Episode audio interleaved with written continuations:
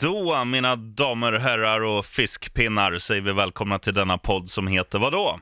NFL med Gnistan. Och Sheriffen. Och jag tänkte så här, Olsson, idag Mhm. kommer vi prata väldigt mycket. Så att för att inte glömma bort vårt intro så inleder vi med det och sen gasar vi bara.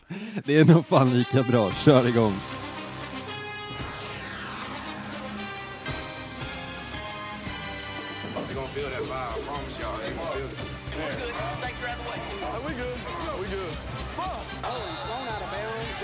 Side, and there's a couple of penalty flags. This is totally out of control. Ja, sådär då. Nu börjar vi bli lite kontinuerliga och prata två veckor i rad. Det har inte hänt sedan Super Bowl där. Nej, precis. Och den veckan var inte ens jag med när det var Super Bowl, så det känns skönt att vara tillbaka, back on track som man säger, och framförallt nu också när det har hänt så jävla mycket grejer. Det är svårt tror jag att få in allting som har skett under det här avsnittet bara, men eh, jag vet inte, vi- kan ju egentligen börja med, med, med det största enligt mig åtminstone. Odell Beckham Jr. tradad ifrån New York Giants till Cleveland Browns. Mm. Den trodde man ju inte skulle ske. Och det roliga här också att Odell Beckham Jr och Jarvis Landry som nu är återförenade när de spelar i samma college, LSU, är ju 90, eh, 92 år båda två, lika gamla som mig. Så jag känner att jag har inte lyckats med speciellt mycket till skillnad från de två, men Ja, du, du har sämre i kuvertet. jag har lite sämre i kuvertet, definitivt. Men jävla vad kul att se de här två grabbarna tillsammans i NFL-nivå. Och exakt vad Baker Mayfield kommer behöva göra för att utnyttja dem på absolut bästa sätt. Jag tror Cleveland Browns kommer vara ett sånt lag i år med den här traden som kommer vara livsfarliga.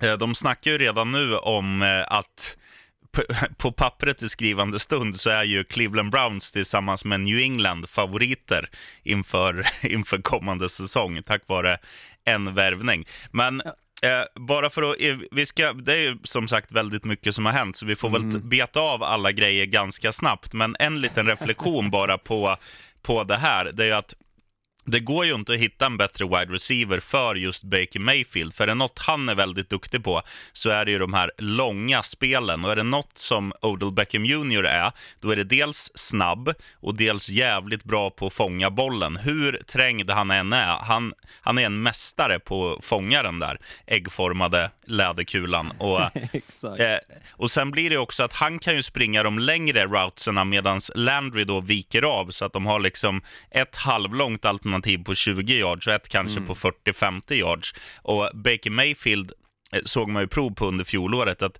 är det något han kan så är det dels att ta sig ur fickan och liksom röra sig med hjälp av sina fötter och också att han har en riktig slägga till höger arm så att han kan, kan lägga de här långa spelen.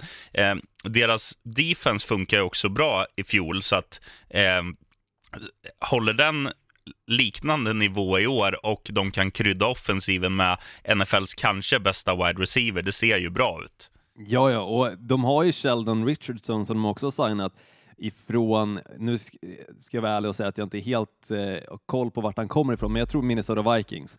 Eh, jag, är rätt, jag är rätt säker på att det är det i och för sig. Eh, men han har de ju också kritat på ett treårskontrakt för och det innebär ju att de har förstärkt upp försvaret lika mycket som de har förstärkt upp anfallet, alltså med egentligen bara två spelare, men det är typ det de behöver för att Ja. kunna ha den kalibern att kunna gå till slutspel och kanske eventuellt en Super Bowl, vilket vore helt sjukt. Men jag tittade faktiskt på bettingsajterna och just nu så är Cleveland Browns det femte högst rankade, femte bäst rankade laget för att kunna vinna en Super Bowl. Vilket är helt sjukt. Jag tror du får typ fem gånger pengarna, eller om det kanske var lite över fem gånger pengarna på att Cleveland Browns ska vinna en Super Bowl. Och det, det är ju sjukt alltså. Det tittar man tillbaka bara på liksom föregående säsong, när jag hypade upp dem väldigt mycket, så gick de ju från en säsong som var 0-16 och nu Ja. helt plötsligt så är det snack om Super Bowl. Alltså, det är ju en franchise som verkligen har vänt helt deras alltså mentalitet och hur åtminstone utåt sett folk ser på Cleveland Browns och det är så jäkla Mm. coolt. Och nu med liksom både Odell Beckham Jr, tröjorna är dessutom klara, så upptryckta och kommer att åka ut till försäljning väldigt snart. Så jag tror att det är väldigt många som kommer köpa de tröjorna också, men dessförinnan så har de ju också Jarvis Landry och de två tillsammans, alltså det är så coolt att se. Mm. Jag ser fram emot Cleveland Browns kommande säsong, definitivt. Och det måste jag ändå säga är den största saken som har hänt i Free Agency, definitivt. Men nu tycker jag vi ska gå till den näst största och det är ju en, en spelare vi snackade om att han var eh, vi sa, jag tror till och med vi sa så här, han kommer i alla fall inte gå till Jets, men det gjorde han. Men han gick ju till Jets av en enda anledning och det är ju pengarna. Vi snackar alltså Le'Veon Bell och han gick ju dit för att han är den första spelaren som kommer få 28 miljoner garanterat. Alltså det är helt, helt garanterade pengar. Och visst, det står väldigt ofta i kontrakten att 20 miljoner garanterad, 30 miljoner garanterat, men det är väldigt mycket klausuler däremellan, så de där garanterade pengarna är inte alltid garanterade. Men de här 28 miljoner dollarna är fullt garanterade att Le'Veon Bell, oavsett om han inte ens spelar en enda snap, han kommer få dem. Ja, det, det är galet. kontrakt. Mm. Så jag förstår Men- varför han gick till Jets och jag tror han kommer definitivt göra skillnad i det där laget också och Mm. hjälpa Sam Darnold på quarterback-positionen med just att han kommer kunna plocka på sig x antal ifrån försvarsspelarna att faktiskt fokusera på just Le'Veon Bell, vilket kommer öppna upp ytor för Sam Darnold att kanske få lite mer tid i fickan och kunna passa bollen. Ja, och, och eh, Jets är ju, alltså de är också ett sånt här lag som tack vare bara en värvning nu så känns ju de som det näst bästa laget efter New England i, i divisionen också. För att Jo, men de det är ju en division som är värdelös, sheriffen, i Ja, ja, så är det. Men man brukar alltid, man brukar alltid säga så här att ja, men New England är bäst, Dolphins Mm. borde vara tvåa. Eh, och sen är det liksom en kamp om sitt, sista platsen mellan Bills och Jets. Men nu har ju, Ja, ja. Bill, Mm. Bills har ju förstärkt, men Jets har ju gjort den stora grejen här. För att med Le'Veon Bell på running back, även om han inte spelade i fjol, så vet man ju hans potential. Han är ju en av ligans absolut bästa på sin position. Sen har man en sån här humörspelare på högervingen i Robbie Anderson som i, i sina stunder är riktigt jävla bra. Eh, påminner lite om, eh, alltså en poor man's eh, Odell Beckham Jr skulle jag säga. ja, Och sen- det är och bra sen- jämförelse. Och sen finns det också en bredd där. Det finns inte så många namn, men det finns ändå många spelare som, som gör en jättebra match en vecka och sen är de dåliga nästa vecka, men då är det någon annan som steppar upp. Så att nu, det finns ju det finns ju pusselbitar och, och bygga något stort i New York Jets. Och sen när vi ändå snackar om dem så har ju de även plockat in CJ Mosley ifrån Ravens eh, på, på försvaret och det är också en uppgradering. Ja, och där måste jag ändå säga att jag tycker att Ravens gör märkliga beslut för att de har gjort sig av med fyra stycken defensiva ledare Mm. och nu istället plocka på andra spelare från ligan och fylla upp de positionerna. Ja, de har alltså, tagit Earl Thomas. Exakt, Earl Thomas har de kritat på för. Men jag tycker det är så märkligt att de gör sig av med Zadarius Smith till Green Bay Packers. De gör sig av med ehm, Suggs. Suggs också till Arizona Cardinals. Och, alltså det, det är liksom ledare i försvaret som de bara fimpar och det är ett försvar som förra året var svinvassa och sågs liksom till att vara stora styrkan i Baltimore Ravens. Men nu har de gjort sig av med fyra av de mest tongivande spelarna där och det blir intressant att se om till exempel Earl Thomas kommer kunna fylla de eh, skorna, nog förvisso att han egentligen bara tar över Eric Weddle som inte är den absolut bästa och dessutom lite upp i åren också. Men fortfarande, det känns märkligt att de gör sig av med de spelarna och ändå kritar på stora kontrakt för andra spelare som är i ungefär samma ålder. Det känns Mm. som mycket jobb och mycket pengar för kanske ingen skillnad alls. Nej, jag är med dig. Jag tycker Baltimore har gjort sämst fönster så här långt.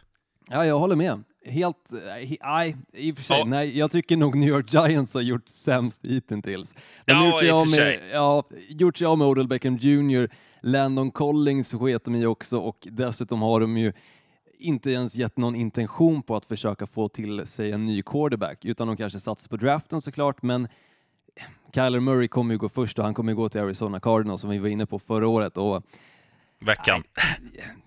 Ja, förra veckan menar jag såklart, inte förra året. Men eh, nej, jag, jag ser att New York Giants definitivt har gjort, gjort det sämst under Mm. Free Agency. Ska vi gå till nästa stora, stora pusselbit i det här? Och det är ju ett lag som, Mm. lå- som låter ungefär så här. Wow! Jaha, nej, jag trodde du skulle mena Oakland Raiders, men eh, nej, vi kan köra Jaguars först då. Och Mm, eh, vad är det de har gjort då, Olsson? Ja, de kritar ju på ett monsterkontrakt med Nick Foles värt 88 miljoner dollar. Och det sjuka här är att det känns som att New York eller vad säger jag, Jacksonville Jaguars inte har lärt sig sin läxa efter att ha kollat på hur det gick för Minnesota Vikings efter att de kritade på ett monsterkontrakt förra året med eh, Kirk Cousins då för 80 miljoner dollar och det visade sig att det inte alls funkade. Nu står de kvar med det kontraktet och fortsätter att behålla Kirk Cousins som quarterback och det kanske går bättre i år, men att krita på ett så stort kontrakt för Nick Foles som har haft, visst, han är Super Bowl MVP sen för, föregående eh, Super Bowl då, men jag tycker inte att han är värd 88 miljoner dollar. Det tycker inte jag heller, men i det läget de är så, så är de ju lite desperata för att man trodde ju att Blake Bortles skulle bli efter den här säsongen i förfjol så trodde man Mm. att han är ju fan på riktigt. Eh, jag, övertyga, jag övertygade till och med dig att han var på Ja, riktigt. jag vet och det var så sjukt. Du, du lyckades övertyga mig men sen, sen ju mer vi såg av honom under föregående säsong så sa jag bara nej, jag tar tillbaka det där sheriffen. Han, han är dynga. Och nu har de ju dessutom släppt honom och det blir intressant att se vilket lag som väl kommer plocka upp Blake Bortles. Jag tror inte att marknaden är den största för hans del, jag tror inte heller att den är den största för han som spelar i ditt lag, Miami Dolphins, och då snackar jag om Ryan Tannehill såklart, men fortfarande 88 miljoner dollar tycker jag är lite väl överbetalt för Nick Foles. Ja, det är saftigt. Men, men de får ju i alla fall in en, en uh, spelare som har visat sig kunna steppa upp i Alltså när, när det gäller och de behöver ju, för det finns ju ändå byggstenar där. De har ett jävla bra försvar. De har, så länge Leonard Fournette är hel, en jävligt bra running back.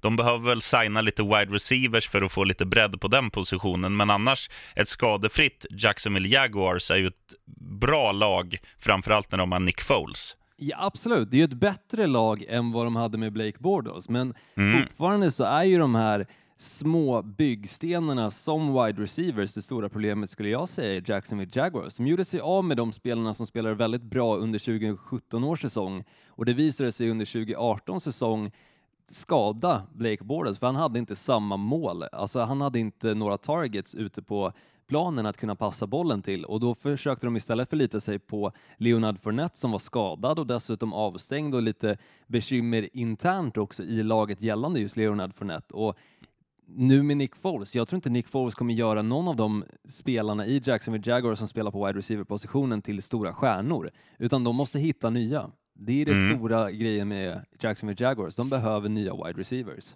Mm, men det, det tror jag de kommer lösa nu, för att jag, jag tror att eh, en, en wide receiver som är free agent känner, om han får ett erbjudande nu från Jaguars, att okej, jag får bo i Florida, jag behöver inte betala så mycket skatt och jag får spela med en quarterback som är bättre än kattskit.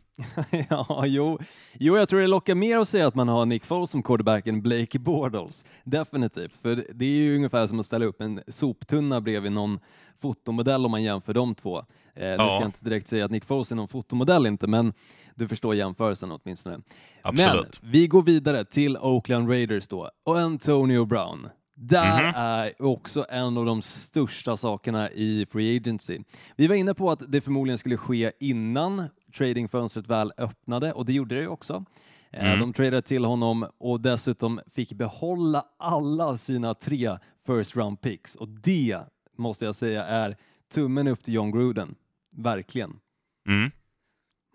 Nej, jag, jag tror ju definitivt att Antonio Brown och framförallt Steelers skulle vara ute efter att få ett first round pick för honom, men att lyckas med ett tredje runda pick och femte för Antonio Brown, det är Ja, galet. det, det, är det är för dåligt utbyte givetvis, Ja. men sen är det så här, alltså Rave, Rave, eh, Ravens säger Raiders, de har Mm. ju eh, till skillnad från alla de här andra lagen som har tagit in en, en storfräsare så tror jag att här kommer inte bli den skillnaden som alla hoppas på för att de är så nermonterade Raiders. Det finns eh, Okej, Derek Carr är väl okej, liksom, men annars, Mm. de, de har gjort sig av med alla som har varit de tongivande spelarna de, de senaste åren. Och det såg Ja, man ju i fjol. De Mm. var ju pissblöta. Och en wide receiver kan göra skillnad, men han kan inte göra Raiders från ett skitlag till ett okej lag. Nej, alltså det de behöver är ju byggstenar i försvaret. De behöver ju fylla upp den där positionen som Khalil Mack lämnar efter sig. Och det har de inte lyckats göra och frågan är, kommer de hitta någon kanske i draften som fyller den positionen? Och samtidigt att just plocka in Antonio Brown kommer inte heller göra att Derek Carr kommer leverera på någon toknivå för att jag tycker inte att han är speciell, alltså han är inte tillräckligt bra för att kunna leda ett Oakland Raiders till en Super Bowl. Och jag tror inte Antonio Brown kommer göra att de kommer dit heller. Jag tror att visst, det ser skitsnyggt ut för Oakland Raiders del och framförallt jävligt kul också med tanke på att nästa år kommer de flytta till Las Vegas och då ser det ganska snyggt ut att ha Antonio Brown på affischerna i Las Vegas för att pusha för att Oakland är på plats. Men Ja. utöver det så tror jag inte att det kommer göra jätteskillnad. Utan vad vann, vann de förra året? Fyra matcher. Jag tror att i år så kommer de kanske vinna sju matcher, men inget slutspel. Det är ingen Nej. slutspelslag. Så enkelt är det. Framförallt inte om man blickar på resten av AFC som är jävligt vassa och starka just nu. Däremot så, precis som du säger, så tror jag att New York Jets med att de lyckades få till en bra deal med Le'Veon Bell kanske faktiskt har en chans att lyckas Mm. ta sig till slutspel för att de kanske blir tvåa i sin division. Men Oakland Mm. Raiders kommer ju definitivt inte gå om Kansas City Chiefs, så jag tror inte heller att de kommer bli tvåa i divisionen. Det jag svårt att se. Mm. Nej, helt med. Eh, vad är det mer som har hänt då? Mark In- Ingram, din polare, han har Mm. kritat på för, eh, för Ravens. Exakt. Och där är ju också spännande att de istället för att just välja kanske att fylla upp de här positionerna som de har gjort sig av med, de fyra byggstenarna egentligen i försvaret och stora spelarna i försvaret, så väljer de istället en spelare som Mark Ingram med att jag vet inte, jag tycker att Baltimore Ravens har gjort mär- märkliga val, säger jag bara. Och det jag menar med att jag tycker det är konstigt att de plockar in Mark Ingram är för att jag tycker ändå att det som såg bra ut i Ravens förra året var ju deras springspel. Ja. Varför behöver de Mark Ingram då? Varför lägga pengar på honom när det såg bra ut förra året? Nej, det är ju lurigt. Det, det handlar väl om...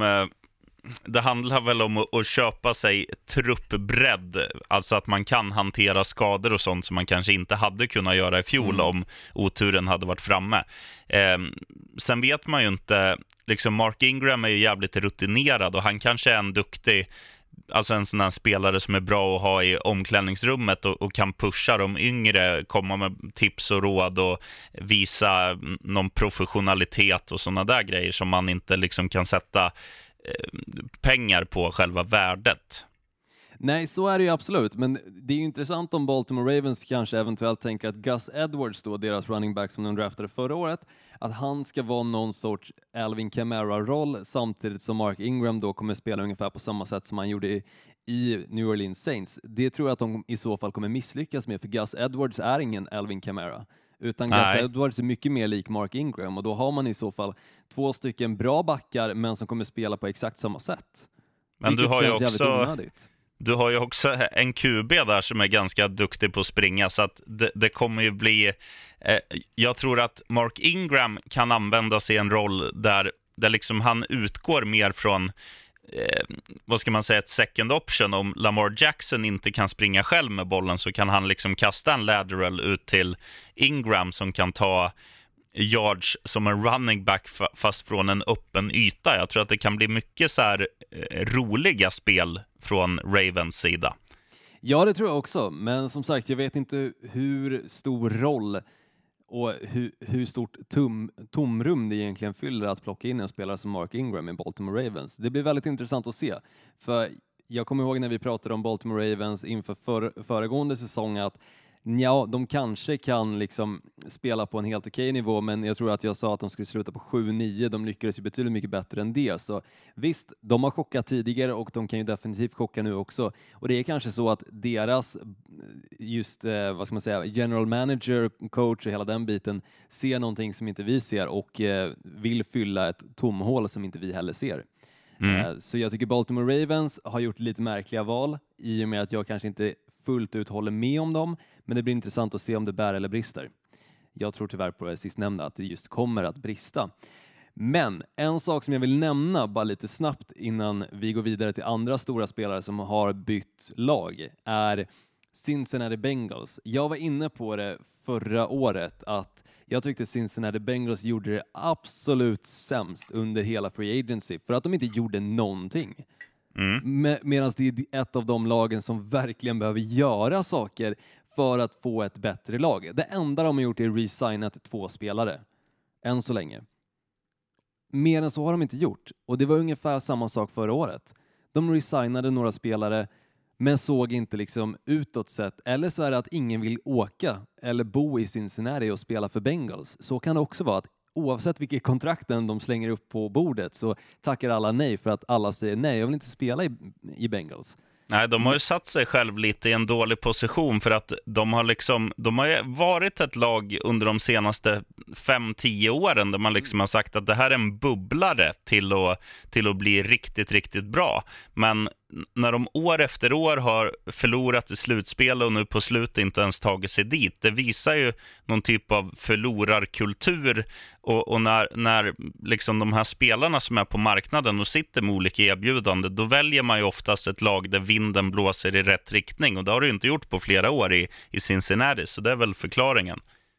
Ja, absolut, men jag tycker fortfarande man måste göra någonting under Free Agency, framförallt om det är just ett sånt lag som Cincinnati Bengals där ingenting har hänt på två års tid. De har inte lyckats de... med sina draft picks och de lyckas inte med sin quarterback heller. Någonting måste de ju för fan göra för att kunna vända den onda trenden som har varit i Cincinnati så pass länge. Och jag, jag tycker inte att de att gör de försöker. för det. Ja, men jag tror de försöker, det är bara att det är, det är inte de så jävla lätt. De måste försöka hårdare. De måste Nej, försöka precis som Cleveland. I och för sig tog det ju över ett decennium innan Cleveland väl lyckades, nästan två decennier. Mm. Men de har ju lyckats och det känns som att Cincinnati Bengals har varit på den här onda trenden nästan lika länge. Mm. Och de har ju dessutom kunnat sniffa då slutspel och varit där men inte vunnit någonting. Och då känns det ännu mer som att de måste inse att vi kanske behöver den här extra pusselbiten snarare än att signa gamla spelare återigen och inte göra någonting under free agency-marknaden. Jag mm. tycker det är väldigt, väldigt märkligt och jag tror att det kommer kosta dem dyrt även den här säsongen. Vem är, näst, vem är, nästa stora vi ska gagga om? Då är det, är det din polare Honey Badger, eller har du någon annan? Honey Badger har ju också signat en jävla fin deal, såklart. Men jag skulle faktiskt vilja gå in, för att det här är väldigt unikt när vi tittar på 2019 års Free Agency-marknad, att Green Bay Packers har gjort så pass mycket som de ändå har gjort. För att det är ett lag som sällan har klivit in på Free Agency-marknaden och försökt göra någonting. Nu i år så har de äntligen gjort mycket och någonting dessutom. Och de har dessutom signat på spelare som de verkligen, verkligen behöver och som man såg att det var där de hade brister förra året, nämligen på sin defensiva linje som linebacker och safety-positionen. De har fixat Adrian Amos ifrån Chicago Bears, bra deal tycker jag. De har mm. fixat Preston Smith ifrån Washington Redskins, även där jäkligt bra deal och Cedarius Smith som ledde Baltimore Ravens i antal tacklingar förra året, antal sacks menar jag, förlåt, eh, har de kritat på för också. Och de tre spelarna är ju spelare som förra året man såg att där fanns det hål. Där fanns mm. det en lucka att fylla. Och de luckorna har de fyllt nu och det innebär ju också att de kan tänka helt annorlunda när det kommer till draften vilket är väldigt positivt. Och dessutom så tåls det också att säga att Green Bay Packers har inte signat en enda spelare under Free Agency av de fyra de har signat som är und, eh, över 27 år gammal, utan alla är 27 eller yngre. Vilket betyder mm. att de har väldigt mycket kvar att ge i NFL.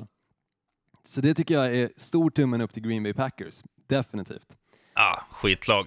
Du, eh, eh, ett lag som jag vill lyfta lite snabbt bara, mm, eh, också so, som, eh, som jag tycker har gjort, inte liksom bra värvningar, men ändå smarta, det är faktiskt Buffalo Bills. De har tagit in han, eh, vad heter han från Houston nu då? Han heter väl Johnson, Kevin Johnson heter han. Mm. Eh, för, försvarsspelare som är, som en så här, i ögonen i ögonen fallande, säger man så? I ögonfallande. I ögonfallande ja. eh, som jag tycker är underskattad och jävligt duktig. Och sen har de ju snott eh, hjälten från Dolphins också, Frank Gore, eh, running back. Och det, det, som, det, det, är inga så här, det, det, kommer inte bli något kanonlag så, men, men de stärker ändå upp eh, för att mycket av deras offensiv innan quarterbacken kom igång i fjol gick ju eh, via nu har jag tappat namnet, gamla, gamla Eagles running backen, vad heter han?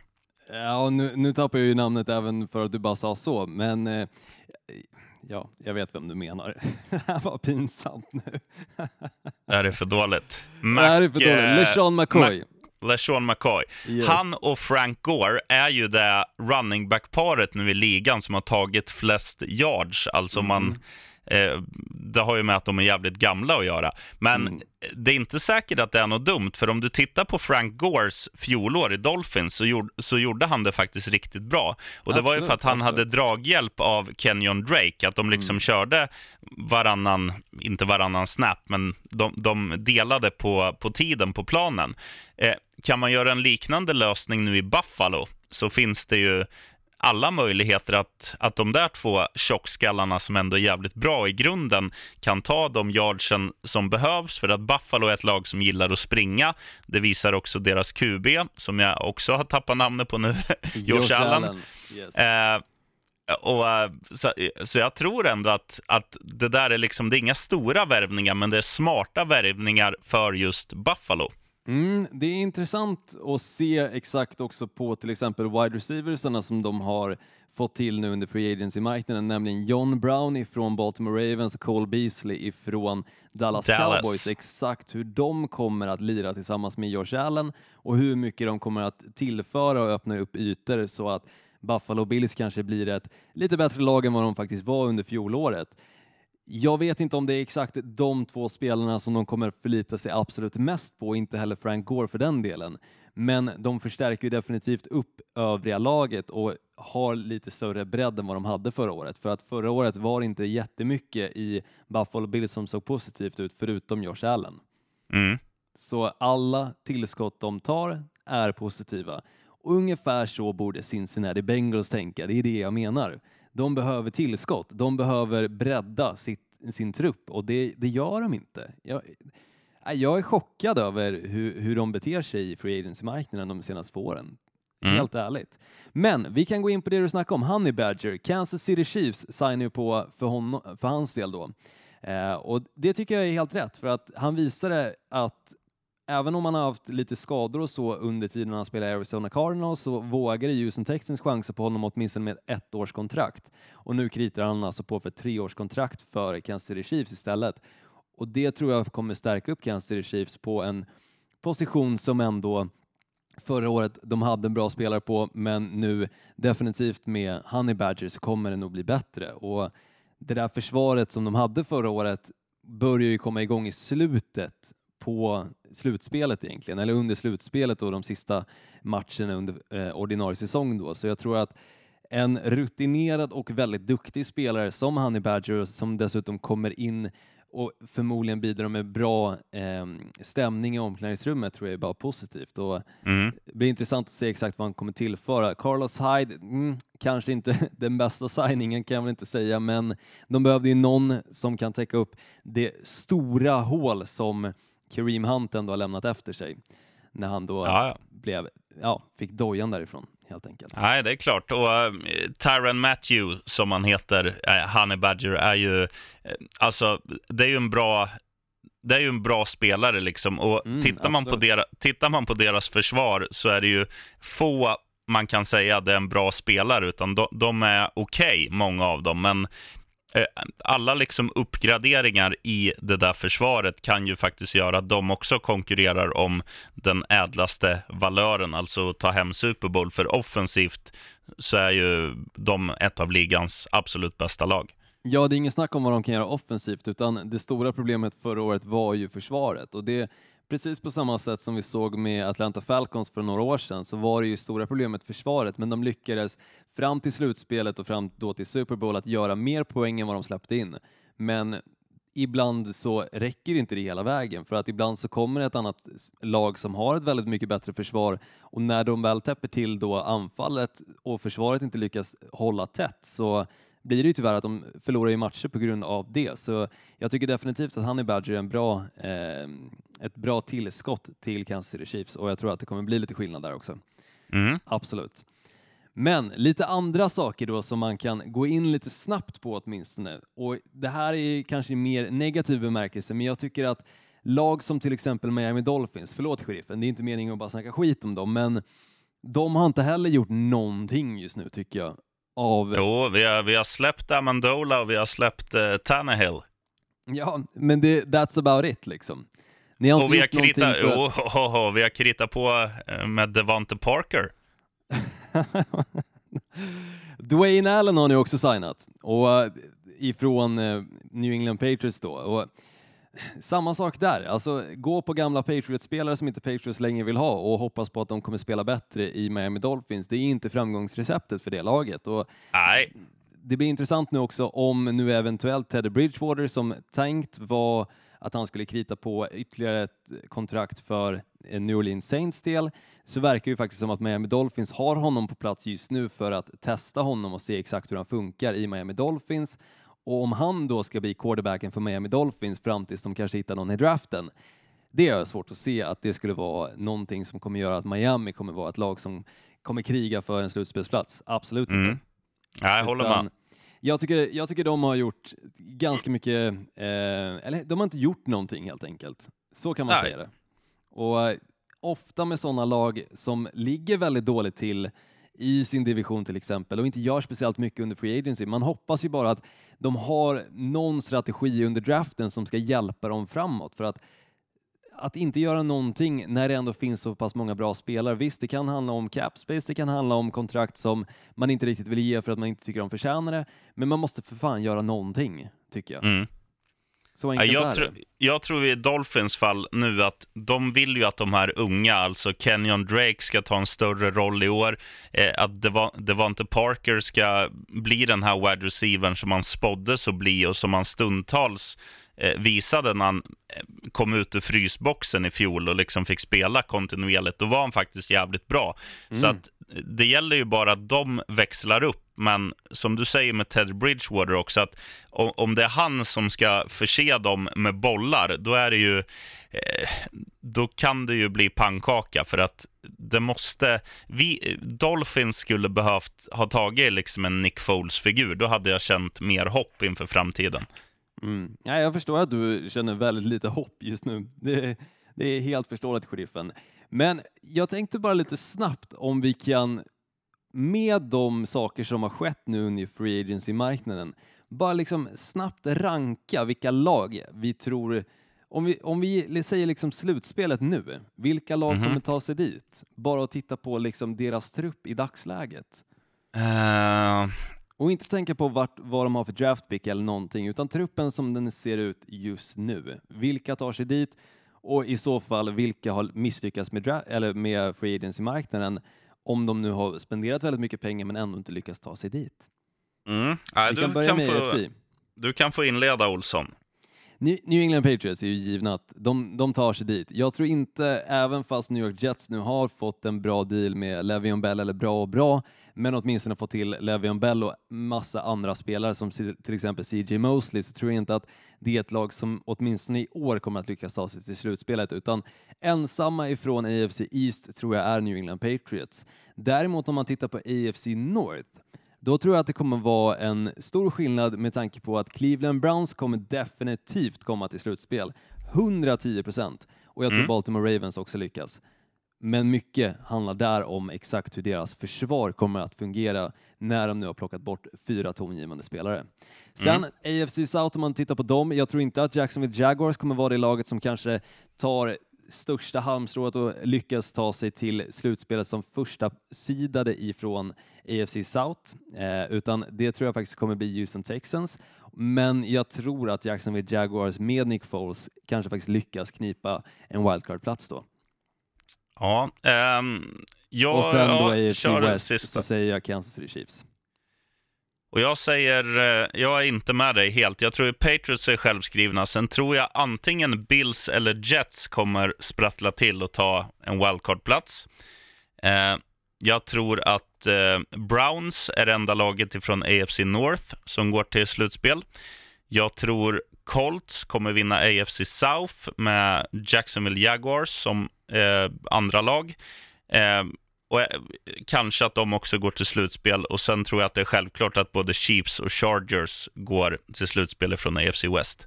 Mm. Nej, jag, jag tror inte på Chargers i år av anledningen att jag tycker att Philip Rivers blir för gammal. Han kommer inte kunna leverera på samma nivå, det såg vi redan förra säsongen, utan det var resten av laget som bar honom hela vägen fram till eh, slutspelet tycker jag. De har ju signat en ny QB nu, Olsson. Ja, jo, förvisso. Um, Brett Hundley var det va? Nej, Nej, nej, nu tänker jag fel. tänk på ditt kära Browns. Vem inledde säsongen där? Tyrod Taylor, förlåt. Ja. Det är såklart Tyrod Taylor. Men det tror jag inte kommer hjälpa Los Angeles Chargers, för han lyckades aldrig ta eh, Buffalo Bills i slutspel. Eller jo, han Nej. lyckades ett år. Men, Men nu ska, du, han- nu, ska han du berätta vilka, nu ska du berätta vilka du tror går till slutspel härifrån NFC. Mm, mm. NFC då. Om vi börjar med NFC East så tror jag att Philadelphia Eagles kommer missa slutspelet för att Carson Wentz kommer skada sig och de kommer inte ha Nick Foles som kommer backa upp dem. Så istället så tror jag att det kommer bli Dallas Cowboys som tar sig dit och sen ingen mer ifrån NFC East. Och jag tror att det kommer vara NFCs sämsta eh, division också, just det här Mm. året. Sen NFC North, där blir det intressant för mycket handlar om hur Chicago Bears kommer att kunna följa upp den magiska säsong de hade förra året och samma sak gäller Minnesota Vikings hur de lyckas följa upp den snörpliga säsong de hade förra året med Kirk Cousins i spetsen. Däremot så tror jag verkligen att Green Bay Packers är ju det laget som kommer att komma till slutspel ifrån NFC North och kanske till och med vara det enda laget som kliver dit också. Inte en chans. Sen om vi tittar på NFC South så känner jag att det är ändå givet att New Orleans Saints kommer ta sig dit. För att tittar man på de här fyra första matcherna som Mark Ingram var borta, hur bra Alvin Kamara spelade då och vilken roll han ändå fick när Mark Ingram kom tillbaka så tycker jag att de drog tillbaka väldigt mycket på Alvin Kamara och jag tror att han kommer glänsa ännu mer när han får verkligen chansen att eh, få bollen betydligt många fler gånger i matchen än att den fördelas lite 60-40 mellan Mark Ingram och eh, Alvin Kamara. Så det tror jag kommer hjälpa New Orleans Saints. De kommer definitivt ta sig dit. Sen så handlar det väldigt mycket om hur Atlanta Falcons försvar kommer att spela, men jag tror också att de kan lyckas knipa en wildcard-plats då. Sen om man tittar på NFC West så tror jag att det kommer bli Los Angeles Rams och nu beror det ju såklart på hur allting går med Jimmy Garoppolo, men kommer han tillbaka och spela som han gjorde första året då 2017 när han klev in i San Francisco 49ers så tror jag även de kniper en wildcard-plats. Mm, intressant. Då kommer facit här då. Från eh, NFC East, Dallas vinner divisionen eh, och Eagles wildcard-plats, precis som säsongen som var. Eh, också copy-paste på årets säsong i NFC North. Bears vinner divisionen, eh, Vikings tvåa. Vikings kan ta en slutspelsplats, men Bears självskrivna, de har hittat en nyckel som, eh, som funkar där. Eh, NFC South kommer vinnas av Saints och Carolina Panthers kommer ta en eventuellt wildcard-plats och enda laget från NFC West i slutspel är LA Rams. Mm. Vi håller inte med om allting här kan man ju säga. Men då för att bara egentligen gå igenom vilka som då har misslyckats. För ingen av oss sa ju att Oakland Raiders skulle ta sig till slutspelet och då har de ändå Antonio Brown där. Så det är ju ett lag som om säsongen blir som vi tror kommer att kunna ses som ett misslyckande. Eller Ja, men åtminstone det- inte en förstärkning som hjälpte dem framåt. Och New York Giants såklart kommer inte ha någon chans i världen att kliva in i, en slutspe- i ett slutspel utan Man, man får ju säga så här också till, till Raiders försvar. De har ju alltså Chiefs, Chargers och Broncos mot sig. Och tittar man bara på, framförallt Chiefs är ju liksom självskrivna eh, vinnare i den där divisionen. Då, då gör de upp om en wildcard-plats mot andra divisioner och de måste bli liksom tvåa i sin egen. Och då har du Chargers emot. Chargers är mycket bättre. Broncos är väl jämnbördiga kanske och liksom Antonio Brown-prylen eh, Ja, den gör inte så stor skillnad för att det är ju ett lag. Det är ju liksom 53 gubbar som ska dra det där loket och jag tror att visst kommer Antonio Brown ha eh, ganska fin individuell statistik och snitta kanske 100 mottagna yards per match och kanske ha en 11-12 TDs, men liksom i övrigt så är de ju för dåliga, så man kan inte, man kan inte säga att det är en flopp när de kommer från en säsong på 4-12. Eh, även om de inte... Alltså, jag tror ju att deras record kanske blir bättre, att det landar på 6-10 eller något, men det är ju Mm. inget, Antonio Brown är ingen frälsare. Nej, nej, jag tror inte heller det. Och jag tror att många i Oakland och kanske Las Vegas också ser honom lite som att han ska komma in där och frälsa det här laget. Men jag har svårt att se det. Utan det krävs någon skillnad, dels defensivt men också på quarterback-positionen för Derek Carr har inte den han har inte det spelet som krävs för att kunna leda det där laget fram till en slutspelsplats eller för den delen fram till en Super Bowl. Vi kan säga så här, Derek Carr, han har fina ögon, men inte så mycket mer. Nej, Nej det, det är bra sagt, sheriffen. Ja, jag instämmer på den. Ja, det är väl typ det, tror jag. Ja, vi rundar av här och säger tack för visat intresse och gå gärna in på, leta upp den här podden NFL med Gnistan och Sheriffen på där man lyssnar på poddar och sen kan du klicka i fem om du vill. Annars är vi glada om du ger oss fyra också. Då får du gärna skriva en liten fin kommentar eh, ja, vad du tycker om när, du, när vi smeker dina små hörselgångar. Så, eh, så vet vi vad vi kan göra bättre och vad vi kan göra sämre. och sådär. Jag, jag tror vi fick en tvåa precis för att du sa att vi skulle smeka folks hörselgångar. Jag ser bara framför mig hur vi står och masserar folk så här i örat. Bara, mm, Det är mysigt. Nej, det var en märklig, märklig bild jag fick upp i huvudet. Eller så Mm. såg jag mig, dig bakom mig stå och massera mina hörselgångar och det, det var också märkligt. Med lillfingret i, i Med- dina med håriga öron. Precis, så gärna slicka lite så här, innan liksom, så att eh, det blir lite wet willy på det hela också. Mhm. Extra mysigt. Mm, mm, mm. Ja, det är Nej, livet. Det Olsson, vi, vi, återkommer, eh, vi återkommer nästa vecka. Då har det förmodligen hänt mer grejer och då hoppas vi också att de här lagen vi har snackat om som har legat lite lågt, Cincinnati, Miami med mera, har agerat så att man får se om de tacklar kommande säsong, att de liksom menar allvar, att de vill göra någonting eller om de bara nöjer sig med att vara ett skitlag och vill drafta högt 2020. Exakt. Jo, det blir jäkligt intressant att se om de har gjort någonting och jag hoppas, hoppas att Cincinnati Bengals får tummen ur.